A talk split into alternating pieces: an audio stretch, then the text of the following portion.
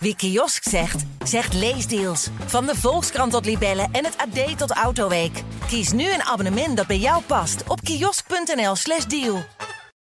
En dan hoor je in één keer: Hanno is zoek. Maar je kan niet nergens zijn. Niet levend of dood. Is die vrijwillig weggegaan? Is die gedwongen? Of, of, of wat ook maar. Zou die gewoon ontvoerd zijn? Mijn naam is Iris van den Boom. En samen met Ditya Kabba ga ik op zoek naar wat er is gebeurd met Hanno. Een doodgewone vader die van de een op de andere dag spoorloos verdween. Hè? Hanno? Hoe dan? Waarom dan? Open Eind, een podcast van het AD.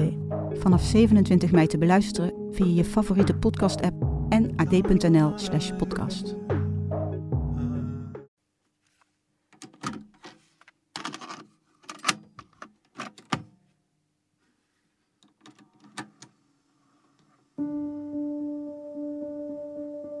...14 februari 1997.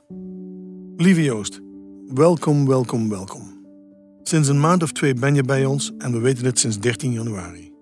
Ik schrijf dit aan je omdat ik graag wil dat je een beetje een beeld hebt van de wereld waarin je geroepen bent. Want je bent geroepen, dat staat vast. Als je op de wereld bent, betekent dat dat de wereld je nodig heeft. Het leven wil iets van je, dat kan niet anders. Het ontstaan van de mens moet je je voorstellen. Er komt uit talloze eicellen één celletje vrij. Uit nog veel meer zaadcellen komt er eentje als eerste aan bij die ene eicel. Dat samensmelten levert een compleet persoon op en dat ben jij. Als het dus een haar anders gegaan zou zijn, dan zou je iemand anders zijn geweest. Maar het is niet anders gegaan, het is zo gegaan. Dat toeval, die treffer, die miljoenste kans dat jij zou worden wie je geworden bent, is te toevallig om toevallig te zijn. Jouw uniek zijn is groots en ondergrondelijk. Welkom dus, lief kind. Bijzonder wonder. Er is nog veel tijd voordat we elkaar gaan ontmoeten. En voor die tijd zal ik nog veel in dit boek schrijven, ook een tijdje na je geboorte. Op je eerste verjaardag zal ik de doos verzegelen waarin je dit schrift vindt. Dit schrift zal bovenop liggen als je de doos openmaakt. De doos is bedoeld om je een beeld te geven van de wereld waarin je terecht bent gekomen. Je familie, onze vrienden, je directe omgeving. Ik zal de doos aan je geven wanneer ik denk dat je het zult waarderen. Als je dat niet wilt weten op het moment dat je dit leest, doe dan de doos weer dicht en wacht net zo lang tot je wel kennis wilt nemen van de inhoud. Er komt namelijk een moment dat je dit allemaal gretig zult verkennen dan zul je meer inzicht in jezelf krijgen door het kennen van de inhoud van deze doos. Hoi, ik ben Joost en dat is mijn vader. Of althans, een brief die mijn vader aan me schreef in 1997 terwijl ik nog vrolijk in de buik van mijn moeder zat. Deze brief is voorgelezen door Niels, de broer van mijn vader die al sinds ik me kan herinneren in San Francisco woont. Niels heeft om en nabij een beetje de leeftijd die mijn vader had toen hij overleed. Wat mijn vader in deze brief niet schreef, is dat hij leukemie heeft gehad een aantal jaar voordat mijn broer Koen en ik werden geboren. En wat je dan noemt een schone periode van ongeveer acht jaar hebben mijn ouders het behoorlijk gezellig gehad en binnen anderhalf jaar twee kinderen op de wereld gezet. Wondertjes werden mijn broer en ik ook wel genoemd. Het was namelijk helemaal niet zo zeker dat mijn vader nog wel kinderen zou kunnen krijgen na alle behandelingen die hij heeft gehad. Dit jaar is hij precies 20 jaar overleden. En wat ik je graag wil vertellen is dat ik mijn vader mis. Ik was pas vijf toen hij overleed. En hoewel mijn rouw niet per se als een enorme donkere wolk heeft gevoeld, merk ik toch dat ik een bepaalde leegte voel omdat ik zonder vader ben opgegroeid. En daar kan ik mijn vinger niet zo goed op leggen. Ik heb het gevoel dat ik me weinig van hem kan herinneren. Dus wat mis ik dan eigenlijk? Ik wil graag weten waarin ik op hem lijk. Ik wil weten hoe ik moet omgaan met het volwassen worden met maar één ouder. Ik wil weten hoe anderen die hetzelfde hebben meegemaakt zich voelen. Maar om heel eerlijk te zijn, wil ik vooral mijn vader beter leren kennen. Want ik heb me laten vertellen dat hij een ontzettende creatieve, zorgzame, lieve man was met een groot gevoel voor humor. Die doos waar mijn vader het over heeft, is een soort tijdscapsule die hij voor mij en Koen heeft gemaakt. Het moesten dozen worden gevuld met berichten van familie, vrienden, de krant van het jaar, zo'n klein tape-recordertje en brieven die hij zelf heeft geschreven. En die brieven die zijn verdeeld over een niet zo'n romantisch blauw kantoorschrift uit de jaren 90 en een wat sfeervoller zeewiergroenkleurig boekje met harde kaft. Met alles wat mijn vader heeft achtergelaten, heeft hij het voor elkaar gekregen om alsnog tegen Koen en mij te zeggen wat wij als vijf- en zevenjarigen niet zouden hebben begrepen. Hij heeft voor ons zelfs CD's gemaakt waarop hij verhaaltjes voorlas, zodat Koen en ik naar zijn stem konden luisteren als we niet konden slapen en papa misten. Plotseling klonk er een geweldige swoosh Dat was Humpy Rumpy, een nijlpaard. Zijn kop hield hij laag bij de grond en hij galoppeerde met angst en jagende snelheid. Kijk uit, Toto, schreeuwde Humpy Rumpy. Kijk uit, Marietje, dat is geen kokospalm. Dat is de reuze krokodil, die wil jullie opeten. Toen ik dit fragment voor de podcast onlangs weer hoorde, moest ik denken aan hoe zijn stem ook alweer klonk. Warm, laag en met een fijn Helmonds accent. Ik moet soms even schakelen in mijn gedachten dat het niet een luisterboek is ingesproken door een vreemde. Nee, dit is mijn eigen vader die ons voorleest in de wetenschap dat hij er straks niet meer zal zijn. Als ik dit soort fragmenten hoor, dan ben ik eigenlijk constant aan het graven in mijn hoofd of er ergens nog een herinnering is aan papa die ons voorleest. Ik kan me niet eens herinneren dat ik deze CD's geluisterd heb. Mijn naam is Joost Swinkels. Je zou me kunnen kennen als radio-dj van Q-Music, waar ik iedere avond te horen ben. In Liefst Papa Piet wil ik mijn overleden vader graag beter leren kennen. Voor de start van dit verhaal praat ik als eerste met mijn vaders rotsende branding, zijn licht in donkere tijden, mijn lieve moedertje Caroline. Ze is nu 54 jaar en ik sprak haar op een zondagmiddag aan haar keukentafel van haar jaren 30 huis met visgaatvloer en zonder zwarte stalen deur in Helmond. Ik heb het idee dat jij het een beetje spannend vindt. Ja, ik vind het best wel spannend. En uh, ik moet ook wel heel eventjes terug in de tijd. En daarmee ook weer terug in het gevoel. En daarmee ook weer terug naar de beelden en de situaties die toen allemaal speelden. Dus vind ik best wel spannend. Ja. ja. Um, laten we maar even bij het begin beginnen. Hoe kennen jij en papa elkaar? Oeh, moet ik heel eventjes terug. 19... ik nou toch maar die vragen voor. 87 zat ik op de MEAO MMO in Helmond. En Piet gaf les op de ene opleiding en ik zat op de andere opleiding. Dus hij gaf les Engels op de MEAO en ik zat op de MMO. En altijd als er een diploma-uitreiking was, werd dat groots gevierd uh, in het speelhuis. En daar werd dan een heel hele voorstelling gegeven. Ja, het speelhuis is een theater hier. En uh, toen had ik me aangemeld en Piet was uh, de regisseur. Ja. En was je op slag verliefd? nee, ik was helemaal niet op slag verliefd. Want ik vond hem eigenlijk helemaal niet zo leuk. Ik vond hem altijd een beetje Norse man met een. En hij noemde me altijd met mijn achternaam, weet je wel. Hey van Bussel, want dat is mijn meisjesnaam. Dus dat vond ik eigenlijk allemaal... Hmm. Maar goed, gaandeweg vond ik hem steeds leuker vinden. We hadden ook hele fijne gesprekken, ook met elkaar. En op een of andere manier uh, trok me wel iets in hem. Maar hij was een stuk ouder, toch? Ja, wij scheelden 14 jaar. Ja, en dan werk je heel intensief met de groep samen. En dan is die diploma-uitreiking geweest. En daarna zie je elkaar niet meer, want dan heb je zes weken vakantie. Ja. En toen, uh, toen dacht ik van, goh, ja, weet je... ik zat ook nog een beetje in die bubbel en ik vond hem leuk. En ik dacht van, nou, heb ik, en dan zie ik hem gewoon zes, weken, niet. Dus dat vond ik best wel lang. Ja, ja. En uh, toen heb ik gewoon de stoute schoenen aangetrokken. En toen uh, heb ik hem uh, gebeld van... goh, ik wil eventjes met jou kletsen. Zou dat kunnen op vrijdagavond op het terras? Dus ja, ik vond het echt super spannend. Want ik dacht van ja... Het was gewoon een date, had jij hier even Ja, want eigenlijk een date. Maar eigenlijk was ik al stiekem heel erg verliefd op hem. Maar hij wist het natuurlijk niet. Maar goed, en toen hadden we afgesproken op het terras. En na wat kletspraatjes zei ik van... Goh, ja, ik moet je toch iets vertellen. Ik zei, ik ben wel iets meer voor jou gaan voelen dan alleen maar dat jij de regisseur bent. Ja. Waarop hij dan toch eigenlijk wel een beetje verbaasd keek. Zo van, oh, oh. Ja? Ja, hij had er helemaal niet in de gaten of zo. Hij had helemaal niks aan mij gemerkt. Nee. En toen zei hij van, goh, ja, dan moeten we daar maar eens een keer op doorpraten. Kun je morgenavond? Oh, hoppakee. Geen gras over laten groeien. Gewoon meteen uh, doorpakken. Dus zullen we daar dan morgenavond even over doorpraten? Want je overvalt me daarmee. Ja, Wat cool dat, dat je dit hebt gedaan. Ja, vond ik echt heel ja, stoer. Heel stoer. Ja, ja, ja. En toen, uh, nou, we hebben even wat gedronken. En om een lang verhaal kort te maken, toen zei hij eigenlijk van... Goh, wat wil jij dan eigenlijk? Ja, dit verhaal ken ik. En dat vind ik zo grappig wat je nu gaat zeggen. Ja. En ik had ooit gehoord van een latrelatie. dus ik dacht, ja, ik gooi er maar in, weet ik veel. Dus ik zei, ja, een beetje zo'n een, een soort latrelatie of zo, zei ik zo, weet je wel. En 17 helemaal uh, naïef zo. Oh. Maar wist jij überhaupt waarvoor lat stond?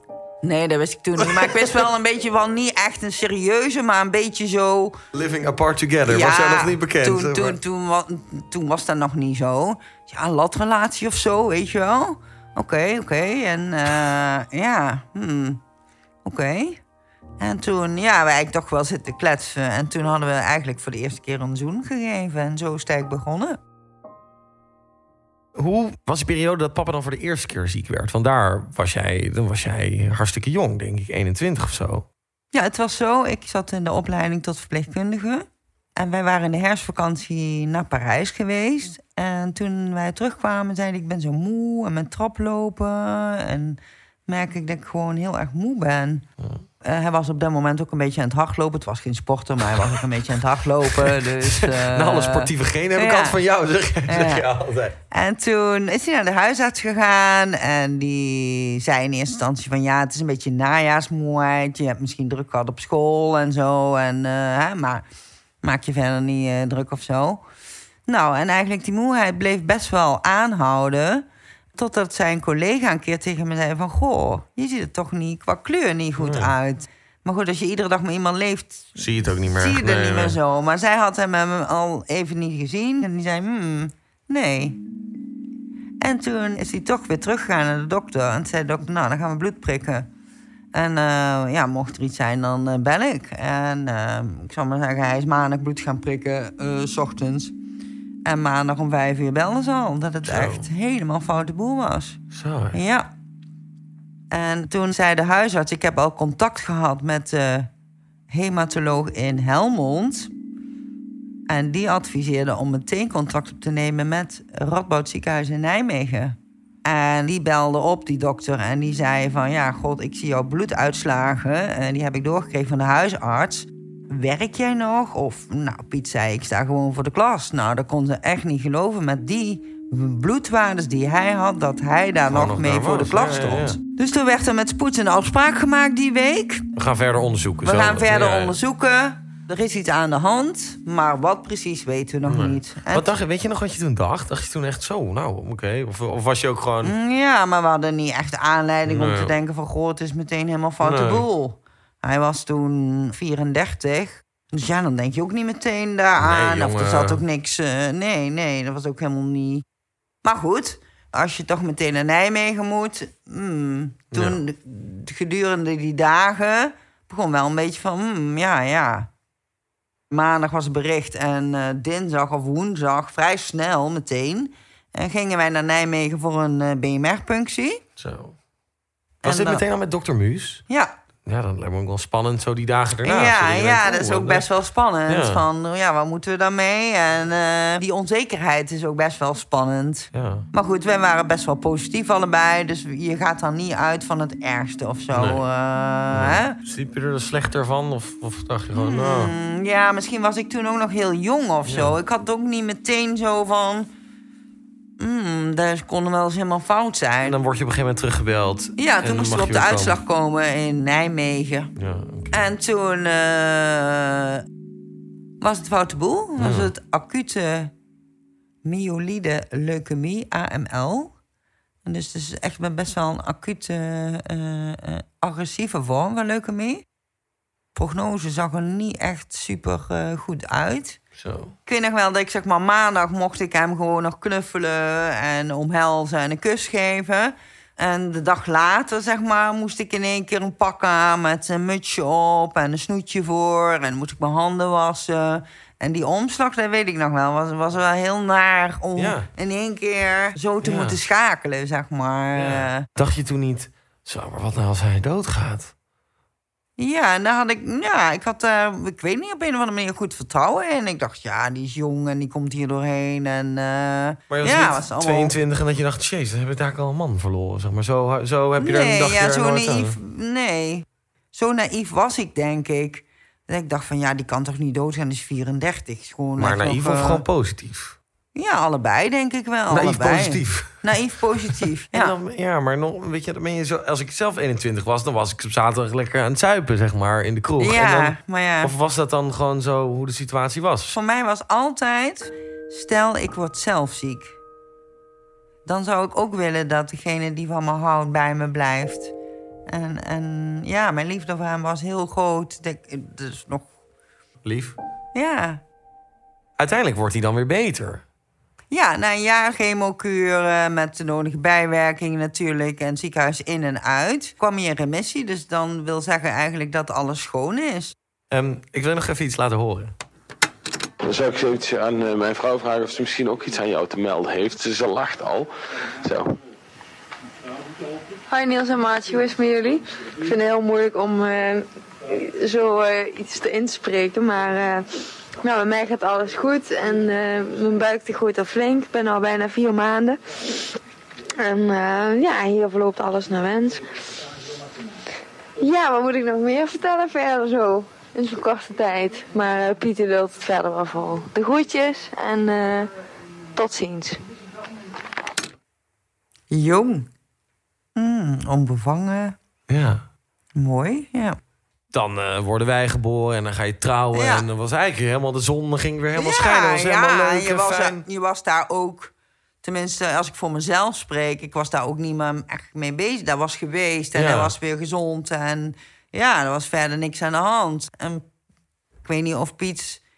Natuurlijk eh, zal er misschien altijd iets, een stemmetje in zijn achterhoofd hebben gespeeld van... Goh, ja, weet je, het was... eh, Mhm. Maar eh, ja, ik zelf was toch wel eh, vooruitkijkend en lekker bezig met ja, het hier ja. en nu. eh. Ja, ja. ja. Het gesprek wat je hoorde met mijn moeder heb ik in twee delen opgenomen.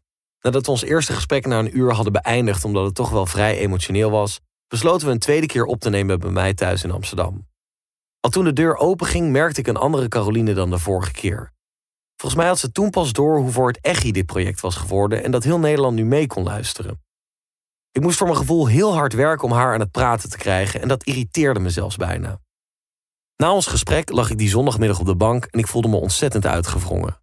Gek genoeg leek het alsof ik de hele middag had gehuild, maar dat had ik eigenlijk helemaal niet. Ik realiseerde me des te meer hoe weinig ik me kan herinneren van die periode en dat die emotie dieper in me zit dan ik doorhad. Geen wonder dat mijn moeder het niet makkelijk vond. Zij kan zich natuurlijk wel alles nog herinneren. Ik wil even terug naar het moment dat ik net één ben geworden, want dan sluipt er toch weer een kleine wolk voor de zon. En daarover schreef mijn vader het volgende. Lieve Joost, morgen moet ik op controle in Nijmegen. Ik maak me wel wat zorgen. Je zult inmiddels wel weten dat ik in 1990 erg ziek ben geweest. Het is een zware periode geweest, maar met de steun van je moeder, mijn ouders, een paar goede vrienden en heel veel schriftelijke belangstelling heb ik het overleefd. Nu is het elk half jaar controle. De laatste dagen voel ik me niet optimaal. De dag na jouw verjaardag heb ik iets griepachtigs gekregen en toen dat weg was, is er iets koortsachtigs overgebleven. Daardoor maak ik me wat meer zorgen dan over de andere controles. Ik heb altijd schrik als er iets aan me mankeert. Dat blijft me achtervolgen. Ik hoop dat ik nog heel lang te leven heb, want doodgaan, daar heb ik geen tijd voor. Liefs, Piet. In de volgende aflevering laat ik je heel graag verder kennis maken met mijn papa Piet. Maar voordat we dat doen, rest me wel nog iets belangrijks aan je te vertellen. Eerder had ik het al over de brieven die mijn vader voor ons heeft geschreven, verdeeld over die twee schriften. Wat ik wel heb gelezen zijn de brieven uit het blauwe schrift. Een van die brieven hoorde je in deze aflevering. Maar hoe nieuwsgierig ik ook ben, het groene boekje heb ik nooit opengeslagen. In dat boekje is mijn vader dus weer ziek en weet hij dat hij Koen en mij niet zal zien opgroeien. Op zijn zacht gezegd niet echt een leuk kinderboek. Ik heb dat boekje natuurlijk meermaals in handen gehad, maar iedere keer als ik er naar kijk, denk ik: als ik dit ga lezen, wat is er dan nog over? Voor mijn gevoel was het dat dan. Is mijn rouw dan klaar? Kan ik dan nog wel iets nieuws ontdekken? Ik ben benieuwd of ik tijdens het maken van deze podcast de behoefte heb om te lezen wat mijn vader schreef toen hij zo ziek was. Er is trouwens wel één brief uit het groene boekje die ik ken. Die werd onaangekondigd voorgelezen op de 50ste verjaardag van mijn moeder. Wat daarin stond en hoe mijn broer daarop reageerde, hoor je in de volgende aflevering van Liefs Papa Piet. Je luisterde naar Liefs Papa Piet. Mijn naam is Joost Swinkels en ik maakte deze podcast samen met Laura Hisken. Dit is een productie voor Q Music, AD en de aangesloten regionale dagbladen. Mixage door Tim Boomsma, eindredactie Kevin Goes, projectmanagement Manon van der Knaap. Met dank aan Niels Swinkels, Tessel van der Lucht en Lieve Nieuwind. Wil je meer podcast luisteren? Ga dan naar ad.nl